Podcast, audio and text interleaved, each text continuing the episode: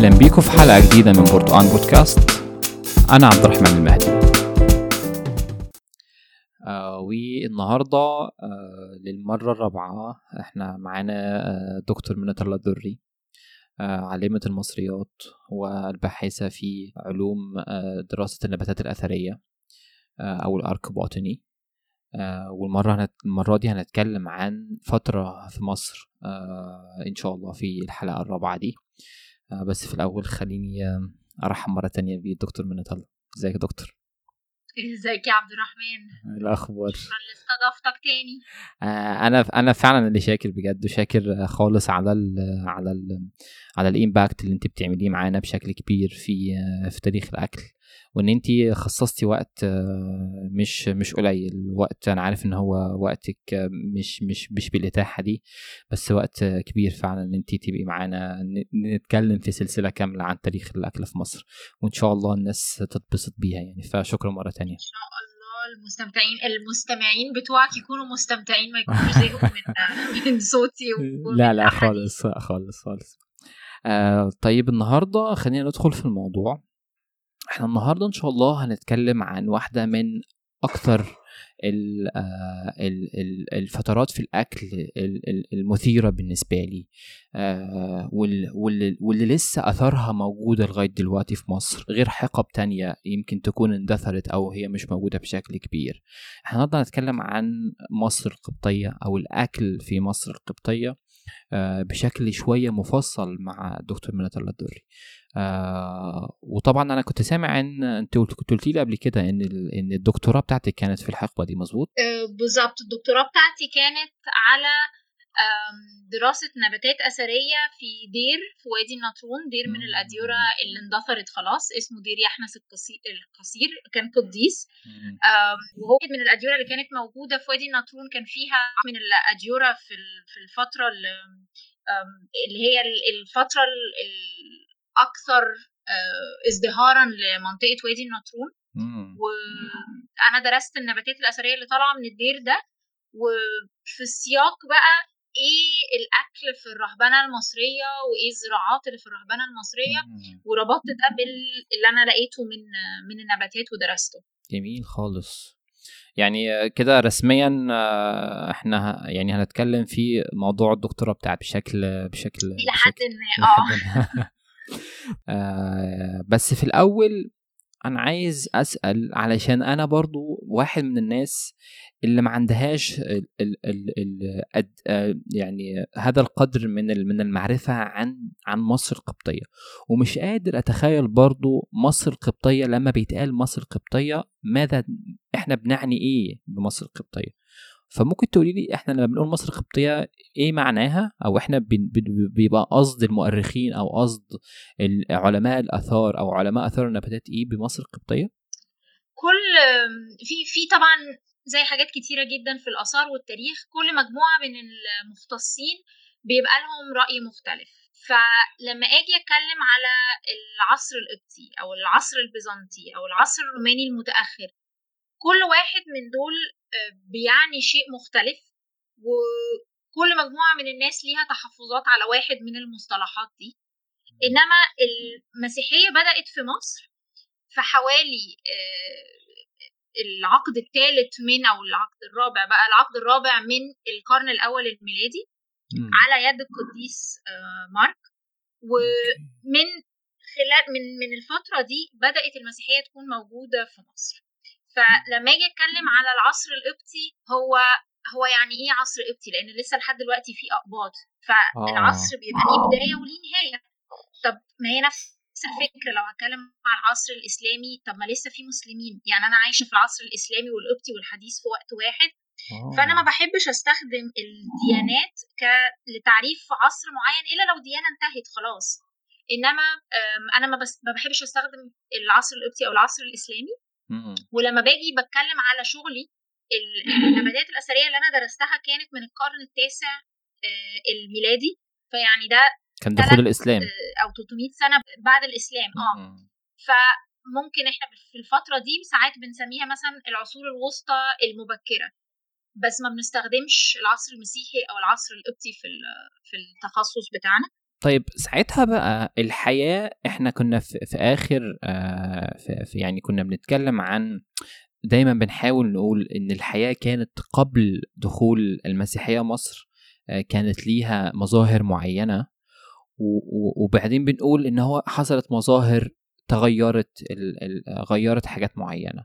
آه، زي مثلا آه، كنا دايما لما كنا اتكلمنا عن مصر القديمة قلنا إن هو آه، إن حصل هجرات مش عارف منين فدخلت أكلات مش عارف إيه وهجرات مش عارف عم دخلت زراعة دخلت قمح الحاجات دي كلها.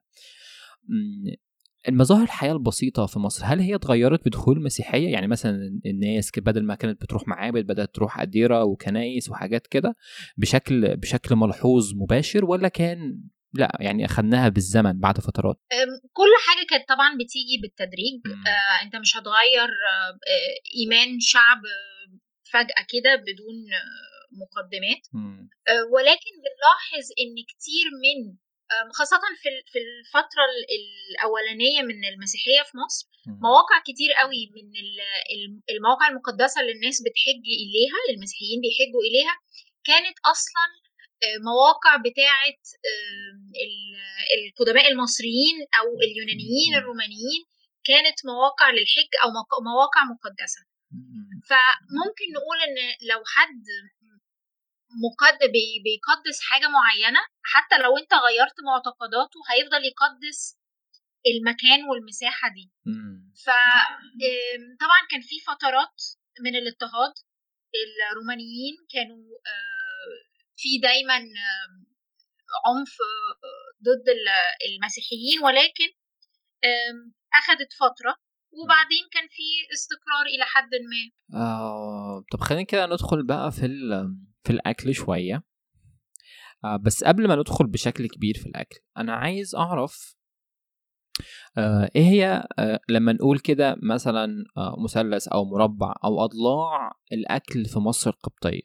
يعني مثلا كان في أكل في الأديرة كان في زراعة كان في قداس أكل في الكنيسة مش عارف.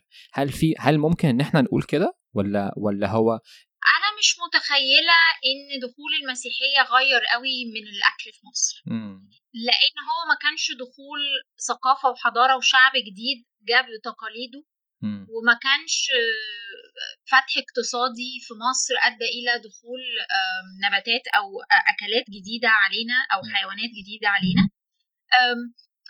ولكن كان في أكيد استمرارية للعادات اللي كانت بالفعل موجودة مع الاختلافات اللي نتجت عن اولا إن المسيحيين بيتبعوا لفترات طويلة صيام فالأكل الصيامي بدون أي بروتين حيوانات ولا لحوم ولا جبن ولا بيض أو التغيرات اللي حصلت مع دخول بقى شعوب تانية الرومان العرب الشعوب أو الحضارات والثقافات اللي مصر احتكت بيها في العصور الوسطى. ولكن ما أقدرش أقول إن دخول المسيحية غير الأكل قوي في مصر. آه طب خلينا نتكلم كده عن النظام اللي المسيحية عملته آه في في بداية دخولها. يعني أنا عارف إن هو إن القرابين لما المسيحية دخلت تغيرت شوية فبالتالي حصل إن هو بدأت يتم ظهور قرابين بشكل آخر. آه النظام الصيامي أكيد الناس بدأت يتأقلموا مع الموضوع ده في إن هم يقللوا من الأكلات الحيوانية. هل ممكن نتكلم عن ده بشكل كده شوية مفصل؟ نتكلم عن الحاجات دي. نفهم إزاي الناس استبدلت اللي كان موجود بحاجات علشان تواكب معتقداتها الدينية؟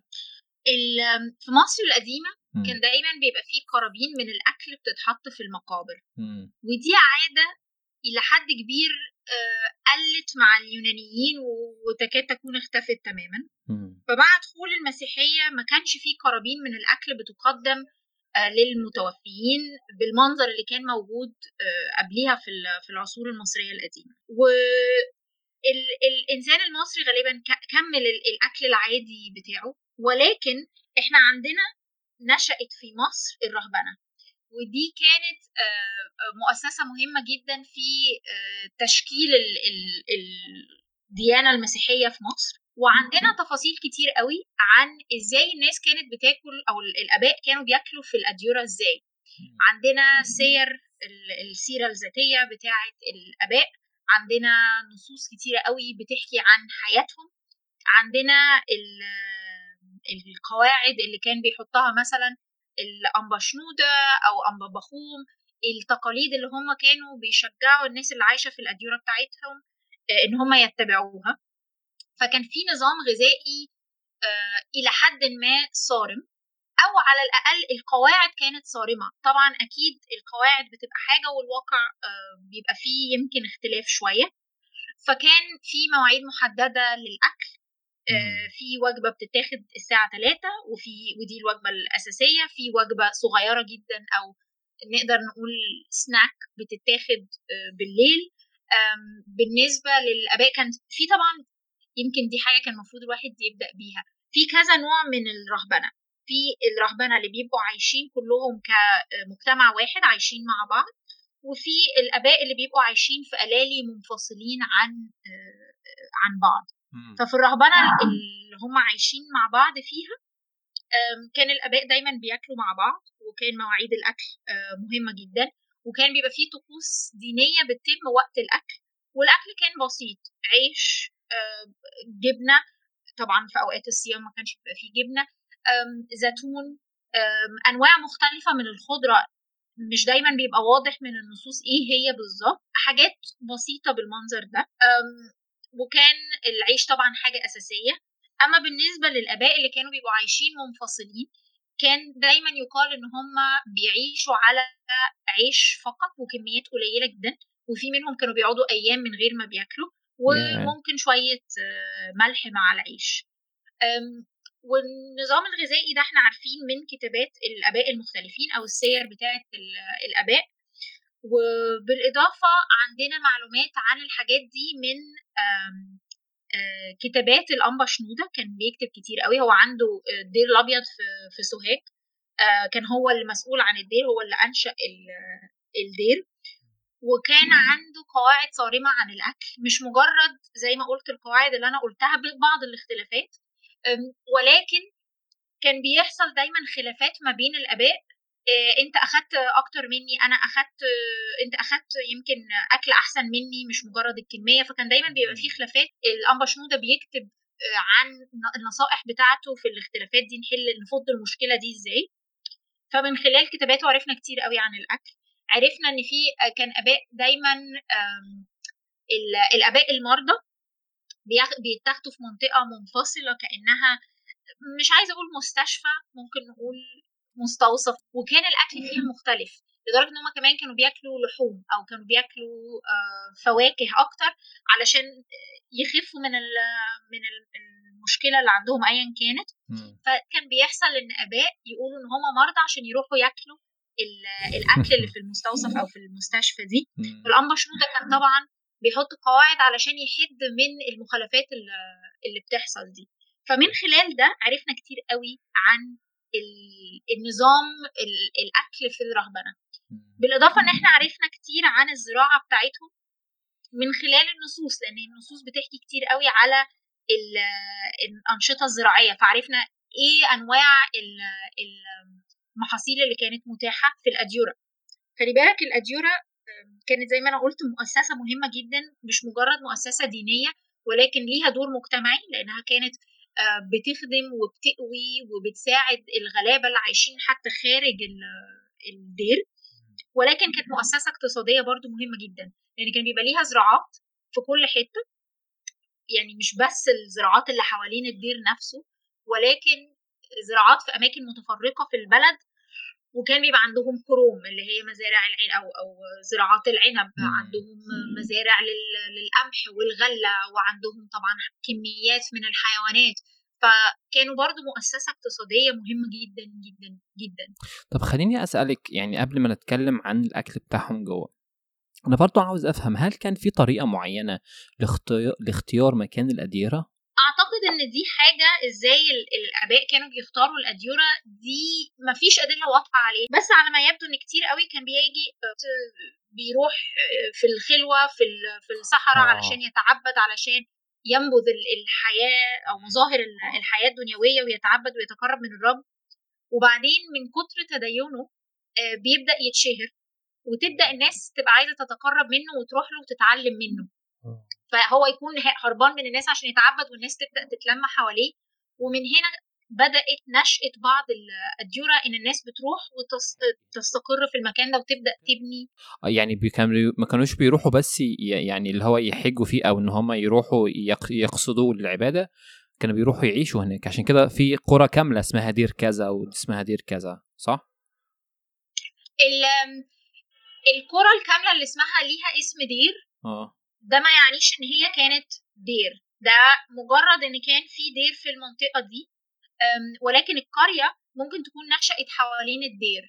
الدير بيبقى عبارة عن وغالبا الاديره في فترات كتيرة كان بيبقى حواليها سور وبتبقى منفصلة عن المجتمع اللي حواليها خاصة في في العصور الوسطى مثلا في القرن مثلا 14 15 16 كان في هجمات كتيره على الاديره فبدأوا يسوروها يحطوا سور حواليها.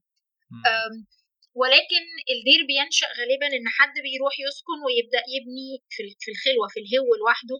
آه، يبدأ يبني قلاية وتبدأ تكبر حد يجي له تاني يبدأ يبني قلاية جنبه وتبدأ ال ال المجتمع ده يبدأ يكبر من من بنفس الطريقة.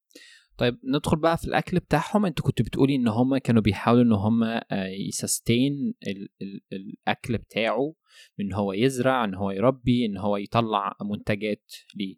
آه، هل ده كان السبب إن هو علشان هو كان في مكان نائي فكان محتاج إن هو يزرع أكله بنفسه ويعمله بنفسه؟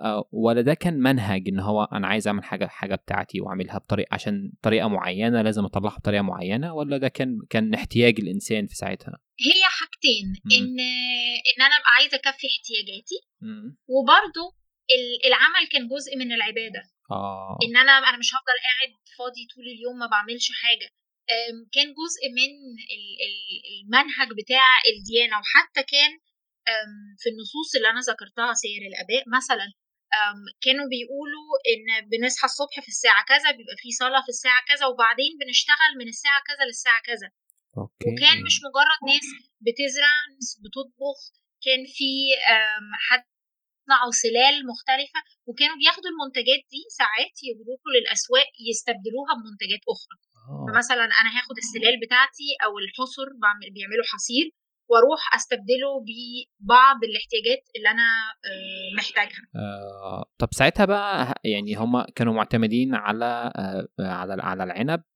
وعلى وعلى القمح وعلى الحاجات دي وكانوا بيستبدلوها بحاجات تانية عشان يجيبوها. يعني هل في أي هل في أي تفاصيل مثلا إحنا كنا عارفينها هما كانوا بياكلوا إيه بالظبط هقول لك. أنا ممكن أقرأ لك آه كاملة آه يا ريت. النباتات اللي كانت موجودة أو المأكولات قصدي. آه. أوكي. فعندنا عيش مم. عندنا آه حاجة اسمها لبسان محدش عارف اللبسان ده إيه بالظبط آه نوع من أنواع الخضرة. آه حمص نوع من أنواع الخيار آه في أنواع من البلح طبعا مختلفة. ومش مجرد بلح عندنا تمر جاف. شبت آه، سيريس عارف الجعديد والسيريس كان في سيريس آه، طبعا العيش بأنواعه والقمح بأنواعه. وكان دايما برضو في في الأديرة الكبيرة خاصة بيبقى في أباء مخصوصين للخبز. هم اللي مسؤولين عن الخبيز في حد مسؤول إن هو ينظف الأفران بعد ما الخبيز يخلص. كان بيبقى في دايما كل واحد ليه المسؤولية بتاعته. طبعا توم انواع مختلفة من الخضرة أشكال وألوان. القمح آه، خس آه، ترمس. وكان اسمه كانوا بيستخدموا المصطلح اليوناني للترمس وهو ترمس. آه، أنواع مختلفة من من الزيتون وكانوا بيستخدموا كلمة جويت. ده كان الكلمة المستخدمة فهي جويت قريبة من زيت والزيتون طبعا بصل سمسم وكانوا بيستخدموا كتير زيت السمسم كمان. وحتى كانت الكلمة الأوبتي لسمسم هي سمسم فهي نفس الكلمة. طب هما كان عندهم عصارات بقى؟ آه،, آه طبعا كانوا بيعصروا الزيت زيت السمسم كان حاجة أساسية بالإضافة إلى إحنا في العصر اليوناني الروماني آه عصر زيت الزيتون عصر الزيتون لإنتاج الزيت كانت حاجة بتتعمل بكثرة. فإحنا كان في الكلام ده موجود. بالإضافة إلى أنواع مختلفة من البقول أنا قلت عدس بس كان في أنواع بيض أنواع مختلفة منهم. نوع من البقول أبيض قد يكون حاجة زي الفاصوليا البيضاء بالإضافة إلى أنواع مختلفة من النبيت. النبيت كان مهم جدا في القداس الاباركه النبيت معروف باسم اباركه وكان حاجة مهمة جدا في في القداس فكان عندهم صناعة نبيت أشكال وألوان وكان حاجة مهمة قوي في الاقتصاد وكان في اديره كتيرة قوي بتنتج النبيت وبيتباع في في مصر كلها. وكان حتى عندك آه، في بعض الفترات الاديره من كتر ما هي معروفة بجمال وجودة النبيت بتاعها كان في حكام آه، من العرب بيروحوا يقضوا يوم في الحدائق بتاعة الاديره علشان يشربوا نبيت ويقضوا يوم جميل في آه وده بيحصل لغاية دلوقتي. أعتقد الموضوع ده يعني آه، بتاع النبيت لسه في عندهم انتاجات بشكل كبير في في الأديرة. يعني إلى الآن. أوكي. طيب آه ممكن أعرف آه النبيت ده كانوا بيعملوه إزاي؟ لو عندكم أي معلومات عن كده. يس إحنا عندنا كم من المعلومات عن النبيت لأن عندنا مش أنا اتكلمت قوي على سير ال ال الآباء أو القصص النابعة من الرهبنة. ولكن عندنا مصدر مهم قوي قوي قوي وهي النصوص مش عايزة أقول إدارية. إحنا هي نصوص زي مثلا الفواتير أوه. جوابات. إن دير بيبعت لدير منتج معين فبيبعت معاه شقفة فخار وبيقول له آه عزيزي الأب كذا أنا بعت لك آه الكمية دي من النبيت. لو سمحت قصادها ابعت لي الكمية دي من القمح. أو آه راهب بيبعت لراهب في قلاية مختلفة. لو سمحت ابعت لي شوية زيت علشان اللي عندي خلص. فالنصوص دي مهمة جدا إنها بتبقى مختلفة عن النصوص اللي طالعة عن سير الآباء علشان مش بتمثل الحياة المثالية بتاعة الرهبنة ولكن لأ ده الواقع الشخص ده عايز الحاجة الفلانية من الشخص ده. فبناء على النصوص دي عرفنا إن صناعة النبيت كانت صناعة مهمة جدا. مش مجرد لاستخدامها في القداس ولكن لاستخدامها وتجارتها مع آه، ناس من بره الأديرة آه، يعني ناس من المجتمع العادي مش ال مش ال مش شرط المسيحيين وكمان حتى لو مسيحيين مش ناس بتشتغل في الدير أو أباء في الدير. فإحنا عندنا فكرة كبيرة عن النبيت من خلال الحاجات دي. بالإضافة إن إحنا عندنا آه، شقف فخار كتير جدا من الأواني أو الفخارات اللي كان بيبقى فيها الأنفورة اللي كان بيبقى فيها النبيت. فإحنا برضو قادرين نشوف إن مثلا في أسوان كانوا بيصنعوا النبيت ويبعتوه لحد وجه بحري والعكس صحيح. وكمان عندنا التخصص بتاعي دراسة النباتات الأثرية. فأنا لقيت في دير يحنس القصير اللي أنا عملت عنه الدكتوراه كميات من حاجة أنا ما كنتش عارفة هي إيه. بلاقيها في النباتات الأثرية بتاعتي ومش عارفة هي إيه. لحد ما بالصدفة كنت بتكلم مع واحدة متخصصة بالصدفة هي كانت متخصصة في البقايا النباتية اللي بتنتج عن آه، عصر النبيت. فقالت لي إيه ده؟ منا الصور دي صور آه، نبيت معصور أو عنب معصور.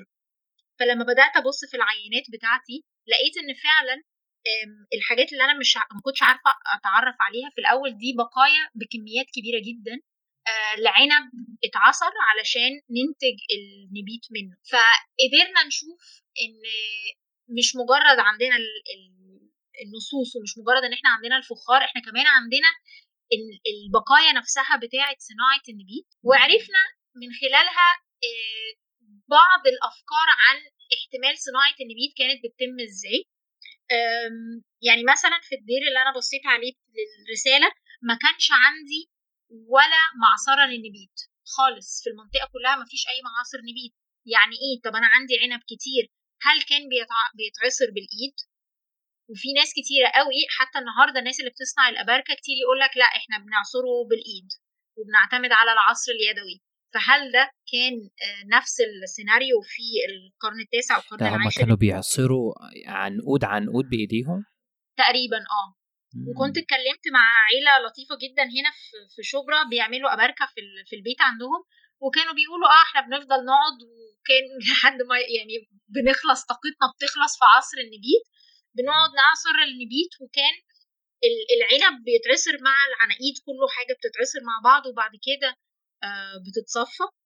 وفي دير الأنبا مقار واحد من أهم وأقدم الاديره في مصر هو في وادي النطرون في في الحصن بتاعه معصرة نبيت خشب صغيرة جدا جدا جدا. يعني يعني هي كلها على بعضها ما فيش يمكن معرفش نص متر علو في يمكن 20 30 سنتي عرض.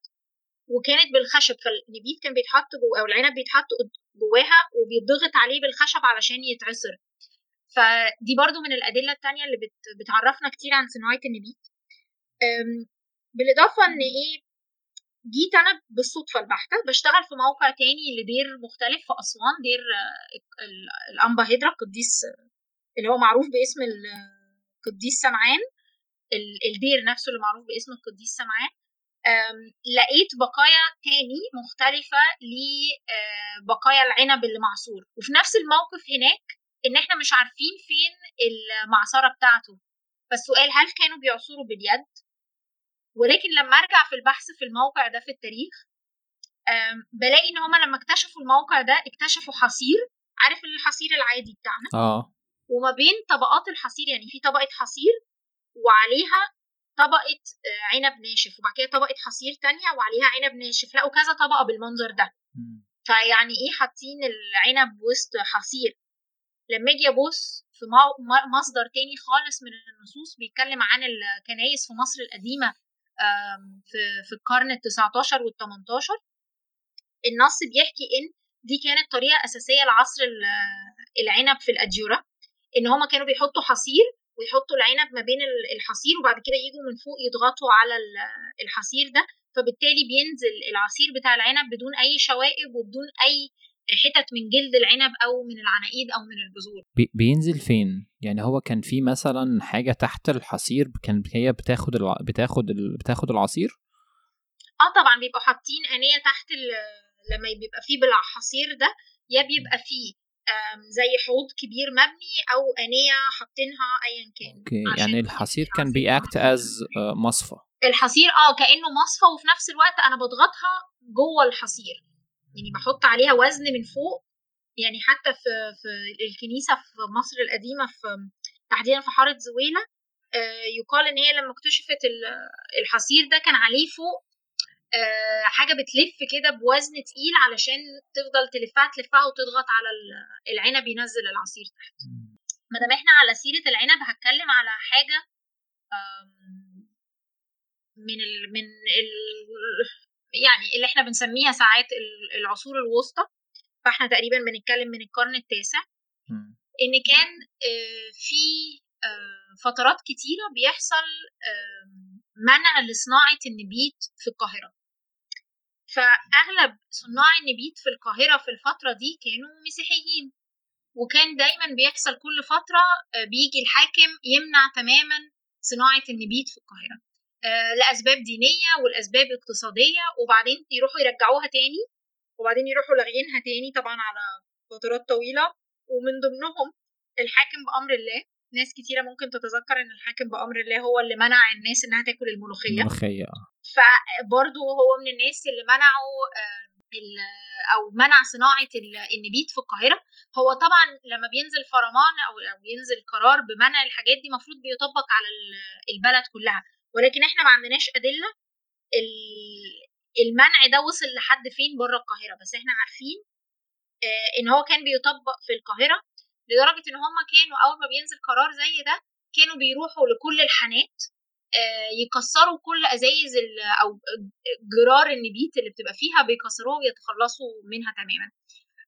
ودي الحاجة بسبب إنها قررت دي اللي أدت في الآخر إن صناعة النبيت في مصر ضعفت جدا لحد ما وصلت لمرحلة تكاد تكون أصلا فيها صناعة لأن كانوا برضو مش مجرد إن هما بيكسروا أواني النبيت اللي متخزنة أو موجودة في في الحانات ولكن كانوا بيحرقوا الكروم.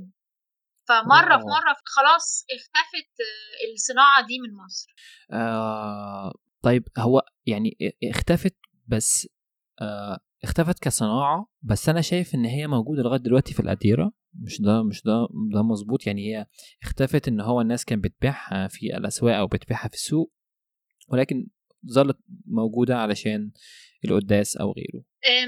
حتى في الفترات اللي كان فيها حظر على صناعة النبيت كان الناس بتلاقي طرق ما مختلفة علشان آه، يقدروا يستخدموا حاجة في القداس. آه. فكانوا المراحل يعني في نصوص بتقول لك كانوا بيحطوا حتة من خشب الكروم بيسقسقوها في مية وبيشربوها بدل النبيت لأن ما عندهمش حاجة تانية آه، يقدروا يشربوها في في القداس أو يتناولوها في القداس ولكن في كان إحدى يعني لما أجي أبص على القصص اللي كتبوها الزوار اللي زاروا مصر في ال 200 300 سنة اللي فاتوا بيتكلموا كتير على إن الأباركة تصنع فقط وتشديدا على كلمة فقط باستخدام الزبيب فكانوا بيعملوا إيه؟ آه. إيه بياخدوا الزبيب ويبلوه في مية يوم يومين وبعدين يعصروه ويستخدموه كأنه على إنه أباركة ولكن ناس كتير قوي تقول لا إحنا عمرنا ما سمعنا عن الكلام ده ولكن النصوص اللي هي من 100 سنة 200 سنة 300 سنة بتقول كده وكلهم بيجمعوا كل الرحالة أو الكتاب دول بيجمعوا إن الحكاية دي غالبا اتأصلت أو بدأت لما كان في الحظر على صناعة النبيت فكانت الأديورة بتخزن الزبيب عندها في الدرة عشان ما يبقاش باين إن هم عندهم عنب فكانوا بيخزنوا الزبيب في الدرع علشان يقدروا يعملوا الأباركة. فصناعة الأباركة من الزبيب دي حاجة من الحاجات اللي أنا بحاول أفهمها أكتر في مصر. إمتى بدأت؟ لأن حاولت أشوف مثلا إن إحنا نستخدم الزبيب في صناعة النبيت هل ده بدأ من العصر اليوناني؟ ولا دخل فعلا بدأت بسبب وجود حظر فالناس بدأت تستخدم الزبيب؟ دي حاجة أنا ما عنديش إجابة ليها بس من الحاجات اللي أنا بدور عليها إمتى بدأت الفكرة دي إن إحنا نستخدم الزبيب لصناعة النبيت هو بصراحة أنا أنا أنا كنت عايز أقول لك إن هو ده اللي أنا ده اللي أنا بشوفه لغاية دلوقتي. يعني أصدقائي المسيحيين أنا ده اللي أنا كنت بشوفه. كنت بشوفهم النبيت كان بيبقى معمول من الزبيب ولونه لون زبيب شوية. آه أوكي فده اللي كنت بشوفه في الصعيد مش عارف ده موجود في باقي الحتت آه. في مصر أو آه, آه، مش عارف بصراحة الباقي في مصر كان عامل إزاي يعني مش في كل حتة في مم. في ناس زي العيلة اللي أنا اتكلمت معاهم في شبرا اللي بيعملوا الأباركة في البيت بيعملوها بعنب آه، صاحي عنب فريش وعمرهم ما سمعوا عن موضوع الزبيب ده مقابل إن ناس تانية تقول لك لأ إحنا بنعملها فقط من الزبيب فأنا أعتقد إن هو من التقاليد اللي بت بتبقى يعني مش متبعه في كل المناطق. طيب بمناسبة برضو موضوع ال ال ال الأكل ال القائم على أساس أو اللي هو اتعمل أساسا علشان قداس أو حاجة في طبعا الخبز بتاع القداس وعليه عليه عليه الختم بتاع الكنيسة واللي هو بيتعمل لغاية دلوقتي ويبقى ليه خباز كامل. الحاجات دي ليه نشأت؟ دي نشأت كقربان زي ما انت زي ما إحنا كنا بنقول صح؟ آه. آه. وهي موجودة لغاية دلوقتي بس هل هي اتعملت بسبب بسبب بس وازع ديني ولا في أي دلائل تاريخية تانية بتقول إن هو أنا أعتقد فكرة ال ال التناول بالنبيت أو بالأبركة وبالقربان آه، دي ما أعتقدش إنها عادة مصرية نشأت في مصر. بس السؤال كويس. آه، دي حاجة موجودة في ال في ال في الكنائس المسيحية عامة في العالم كله ولكن القربان بقى اللي بيمثل بيمثل جسد سيدنا المسيح آه، ده اللي بيختلف شكله. بقى إحنا عندنا هنا بيبقى عامل زي قرص العيش اللي. هو مختوم عليه الشكل اللي هو بيبقى مختوم عليه والختم بيبقى ليه مواصفات معينة وشكل معين إن هو وليه رمزية معينة. الجزء ده بقى الجزء اللي هو شكل الختم ده حاجة اتأصلت في مصر هنا ونابعة من التقاليد المصرية. ولكن فكرة التناول بالأبركة أو بالخبز أو القربان دي موجودة في في الكنيسة عامة مش بس في مصر. آه طيب آه ال ال ال أنا شايف المحور التاني المهم جدا في آه في الأكل أو في أو في الدايت يسمى قبطي هو الأكل الصيامي. في ثيوريز كتيرة قوي. آه طبعا أنا كنت سألتك عليها قبل كده بس أنا حابب إن إحنا ممكن نتكلم عنها دلوقتي بش بش بشكل علمي أو بشكل تفصيلي. إن الأكل الصيامي خلى المصريين لما دخلت المسيحية يحوروا شوية في في الأكل بتاعهم بدل ما هم بيعتمدوا على أكل على أكل يعني لحوم بدأت تظهر ريسيبيز تانية آه، مواكبة للبروتين الحيواني إن هي تبقى فيها نفس القيمة الغذائية ولكن هي صيامي. هل ده معلومة فعلا هي دقيقة ولا الناس قالت لأ خلاص إحنا مش يعني إحنا هن هن هنأدابت باللي موجود عندنا؟ ما أعتقدش إن في أي أدلة تشير إلى هذا. م. وبالعكس إن مثلا العدس دي من المأكولات اللي بيتقال عليها دي صيامي 100% آه، فكرة إن إحنا يبقى عندنا العدس معمول زي شوربة أو زي كريمة كده أو بيوري آه، موجودة من العصر على الأقل على الأقل من العصر اليوناني إن ما كانش قبل كده كمان. وفكر فيها الناس غالبا البروتين الحيواني مش حاجة متاحة إليهم بياكلوها كل يوم. فكر في آه، من 100 سنة الفلاح اللي موجود خارج العواصم أكيد مش هياكل بروتين حيواني كل يوم. فيما عدا الجبنة ومنتجات الألبان دي اللي بتبقى في متناول اليد أكتر. فما أعتقدش إن النظام إن الواحد يبقى بيتبع أكل صيامي آه، غير قوي في الأكل المصري. يعني ممكن بكرة أو السنة الجاية كمان 10 سنين نلاقي أدلة نصية أو تاريخية أو أثرية تشير إن فعلا حصل تغيير جذري أو حتى لو تغيير طفيف. ولكن لحتى الآن ما فيش أي أدلة. أصلا يعني هو في في أنا عارف إن في theories كتير قوي مثلا عن الطعمية هي ظهرت ليه عن بعض بعض ال recipes اللي ظهرت عن البتنجان الحاجات دي كلها اللي إحنا دايما بيتقال عنها إن هي ظهرت بسبب ال ال ال ال diet الصيامي اللي ظهر في مصر آه بعد بعد دخول المسيحية. فأنا مش عارف بصراحة مدى مدى صحة الحاجات دي بس واضح إن انت بتقولي إن هو مفيش أي أدلة على ذلك. آه. أدلة. مفيش ادله مقنعة. وحتى الطعمية أو الفلافل كان بسبب إن حد كان عايز ياكل أكل صيامي وزهق من العدس فقرر زهق من العدس والفول فقرر يعمل طعمية. ممكن ولكن الطعمية كلها على بعضها في مصر الأدلة الموثقه مثلا 150 سنة. تقريبا يعني يمكن أقل شوية. واحتمال إن هي تكون نشأت بسبب ظروف أخرى غير إن حد عايز يغير الأكل الصيامي أو يطور الأكل الصيامي. جميل جدا. أم طيب ساعتها بقى يعني هو في في في العصر القبطي أم ما نقولش بقى العصر القبطي قلنا آه آه, ماشي. مصر في في هذا الزمن. ساعتها مش مصر لم تكن هي الوحيدة الدولة المسيحية ولكن المسيحية كانت انتشرت في أماكن تانية كتير آه، في أوروبا وغيره. مظبوط كده؟ آه تمام. صح.